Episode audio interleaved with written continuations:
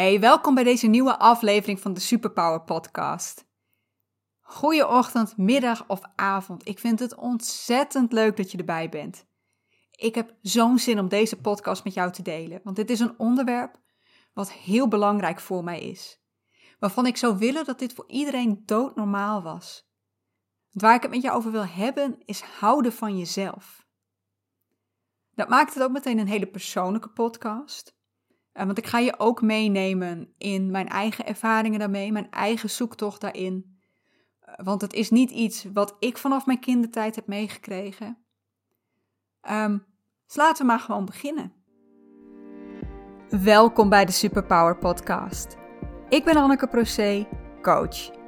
In deze podcast laat ik jou zien dat jij geen genoegen hoeft te nemen met jouw werk als dit jou niet gelukkig maakt.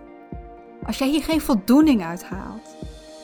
En ik breng je weer in contact met jouw superkrachten, zodat jij het beste uit jezelf, uit je werk en uit je leven kunt halen. Zelfliefde. Dat is iets wat ik heel lang niet voor mezelf heb kunnen voelen. En ik denk dat dit iets is wat ik pas de afgelopen jaren heb geleerd. Op de basisschool werd ik gepest. En de eerste jaren van de middelbare school ook nog. En ik ga hier niet met een beschuldigend vingertje zitten naar mijn klasgenootjes, want ik heb zelf ook een hele dikke vinger in de pap gehad. Um, ik was als kind heel erg teruggetrokken. Ik kon mezelf uitstekend vermaken. Dus toen ik als vierjarige uh, verhuisde en in een ander dorp kwam te wonen, ik eindelijk naar de kleuterschool mocht waar ik nog niemand kende, ja, toen heb ik me wel afgesloten van mijn klasgenootjes. Ik, um, ik vond het niet zo nodig om over het speelplein met ze te gaan rennen. Ik zat uitstekend in de zandbak. Dan was ik echt niet weg te slaan. Maar ja, ik werd wat ouder. En uh, ja, ik wilde er eigenlijk ook wel bij horen. Maar mijn klasgenootjes, weet je, die vonden het wel goed zo. Hiervoor wilde ik ook nooit meedoen, dus waarom nu wel? Het is niet dat ik werd uh, gepest met woorden. Ik werd niet uitgescholden, ik werd niet nageroepen. Het was ook niet lichamelijk. Het was niet alsof ik werd opgewacht na schooltijd en in elkaar werd geslagen. Het enige wat ik me nog vaag herinner is dat ik af en toe een trap onder de schoolbankjes doorkreeg. Of dat er even aan mijn haar werd getrokken, maar verder niet. Nee, het was meer dat ik niet bestond voor mijn klasgenootjes. Ik, uh, ik werd niet geaccepteerd. Ik werd buitengesloten, genegeerd. Bij gym was ik een van die personen die altijd als laatste werd gekozen. Of nou ja, gekozen. Ik werd door mijn uh, juf of meester als laatste aan een groep toegewezen en werd dan met een hele grote ah ontvangen. En in de pauzes was ik eigenlijk altijd alleen of met dat ene vriendinnetje wat net als ik buiten de groep viel. En als ik dan een keertje de moed bij elkaar had geraapt en eindelijk durfde te vragen: Mag ik meedoen? Dan kreeg ik altijd een nee. Nee, je mag niet meedoen. Nee, je bent te dik. Nee, je bent raar. In de loop van de middelbare school werd dit wel beter. Maar die kinderen die ik uit het dorp kende en die naar dezelfde middelbare school gingen als ik, waar ik in, in eerste instantie ook mee fietste, um, ja, die wilden nooit iets van mij weten. I just did not belong. Op deze manier buitengesloten worden en als raar en anders bestempeld worden, dat heeft heel veel betekend voor mijn zelfliefde. Die was non-existent. Als ik zo raar was, dan kon ik toch nooit goed genoeg zijn? Als niemand met mij om wilde gaan, als niemand van mij hield, dan verdiende ik dat toch blijkbaar niet? Ik vond mezelf helemaal niet leuk. Ik was blijkbaar raar, ik was anders. Ik was minder dan anderen. Dat is mijn hele puberteit gebleven. En ook nog wel mijn hele adolescentie. En het is ook waardoor ik uiteindelijk depressief werd. Ik denk dat onder andere doordat ik mezelf zoveel kwalijk nam en uh, doordat ik mezelf echt niet leuk vond, uh, dat ik in die dep depressie terecht ben gekomen. En na mijn depressie heb ik denk ik nog een hele tijd in een soort van limbo gezeten. Ik had geen hekel aan mezelf, maar als je me had gevraagd: je van jezelf? Dan had je hele grote vraagtekens om mijn hoofd zien verschijnen en had ik je heel raar aangekeken. Ik was helemaal niet bezig met of ik van mezelf moest houden of niet. Maar dat is voor mij wel veranderd, want anders zou ik het hier nu niet over hebben. Ik denk niet dat er voor mij echt een keerpunt is geweest. Ik denk dat het is begonnen doordat ik niet meer bewust een hekel aan mezelf had. Ik hield ook nog niet van mezelf, maar ik vond mezelf ook niet meer verschrikkelijk.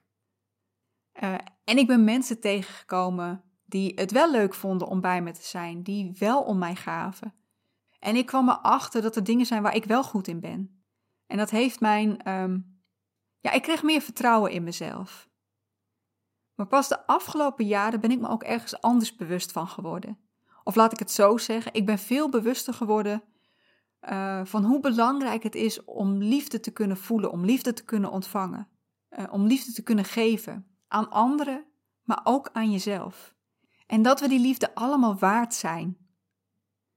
Betekent dat nu dat ik on any given moment zielsveel van mezelf hou? Ik zou willen dat ik daar volmondig ja op kon zeggen, maar de meeste dagen wel. Maar ik heb ook af en toe echt een baaldag. Zo'n dag dat niks lijkt te lukken, dat, dat ik totaal geen energie heb. En die dagen baal ik ook echt even van mezelf. En dan kan ik mezelf stiekem niet uitstaan.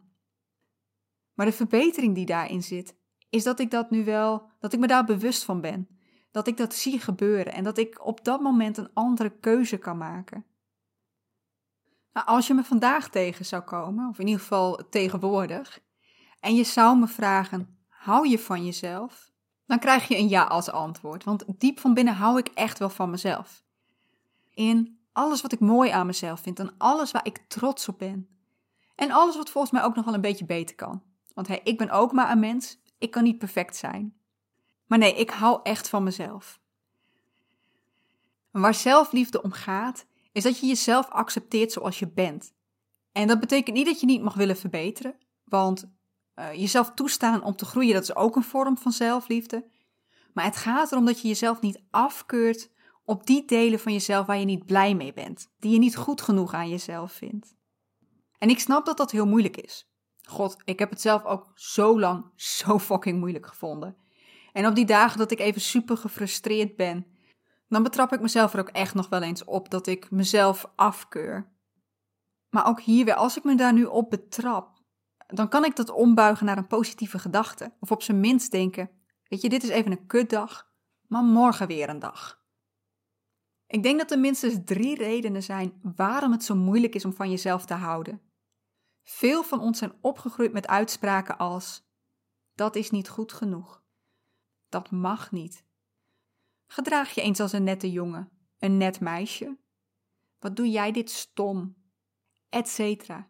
Heel vaak kreeg je te horen dat je je anders moest gedragen, dat je de verkeerde kleren aan had, dat wat jij leuk vond, dat dat stom was, dat je dingen niet goed deed of ergens niet goed in was. Eigenlijk alles wat helemaal bij jou hoorde, dat kon door je ouders, door je klasgenootjes of door wie dan ook afgekeurd worden. En wat kreeg je daarvoor in de plaats? Tenminste, heel veel van ons wel en ik zeker. Het gevoel dat je minder waard was. Het gevoel dat je niet goed genoeg bent. En je was waarschijnlijk nog te jong om het met zoveel woorden te denken, maar je kreeg het gevoel dat mensen niet van je hielden zoals je was, dat je anders moest zijn.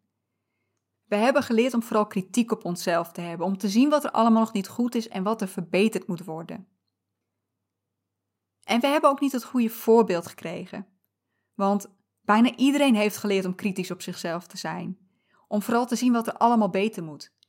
Dus om ons heen zien we ook allemaal mensen die kritiek op zichzelf hebben.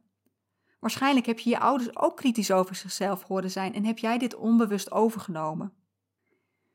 Natuurlijk zijn er uitzonderingen, maar ik denk dat heel veel ouders zelfliefde niet bewust aan hun kinderen doorgeven. We hebben niet geleerd dat het belangrijk is om van onszelf te houden, dat het normaal is om van jezelf te houden. Ik denk, dat, ik denk juist het tegendeel. Dat, we, dat als je zou zeggen, ik hou van mezelf, dat je dan heel raar wordt aangekeken. Dat je al heel snel dat stempeltje krijgt dat je te hoog over jezelf denkt, dat je jezelf te goed vindt.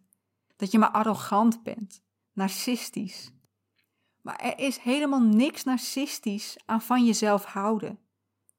Tenminste, als je ook van anderen houdt, als je niet jezelf altijd maar de beste vindt. Van jezelf houden en van anderen houden, dat sluit elkaar ook helemaal niet uit. Ik denk zelfs dat, uh, dat je nog veel meer van anderen kunt houden als je ook van jezelf houdt. Even samenvattend. 1. We hebben geleerd om te zien wat er allemaal niet goed aan ons is, wat we kunnen verbeteren om kritisch te zijn. 2.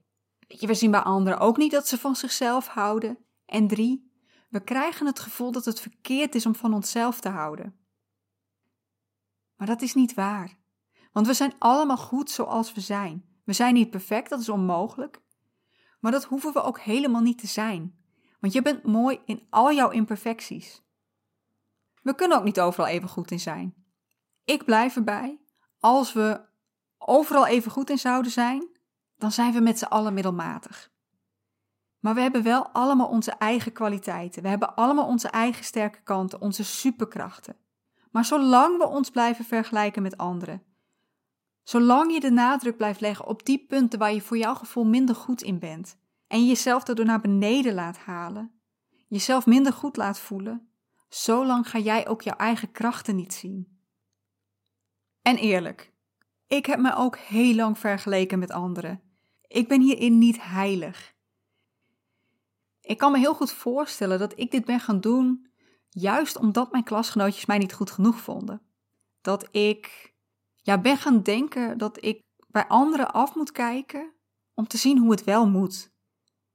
En op de momenten dat het nu niet goed met me gaat, is dit nog steeds een valkuil voor mij. Dan begin ik mezelf nog steeds te vergelijken met anderen. Maar je hoeft je niet te vergelijken met anderen. Jij bent al goed zoals je bent, ook al ben je voor je gevoel anders dan anderen. We zijn allemaal anders, we zijn allemaal uniek. Maar juist jouw unieke jij is wat jou mooi maakt. Waar jouw kracht zit, omarm die.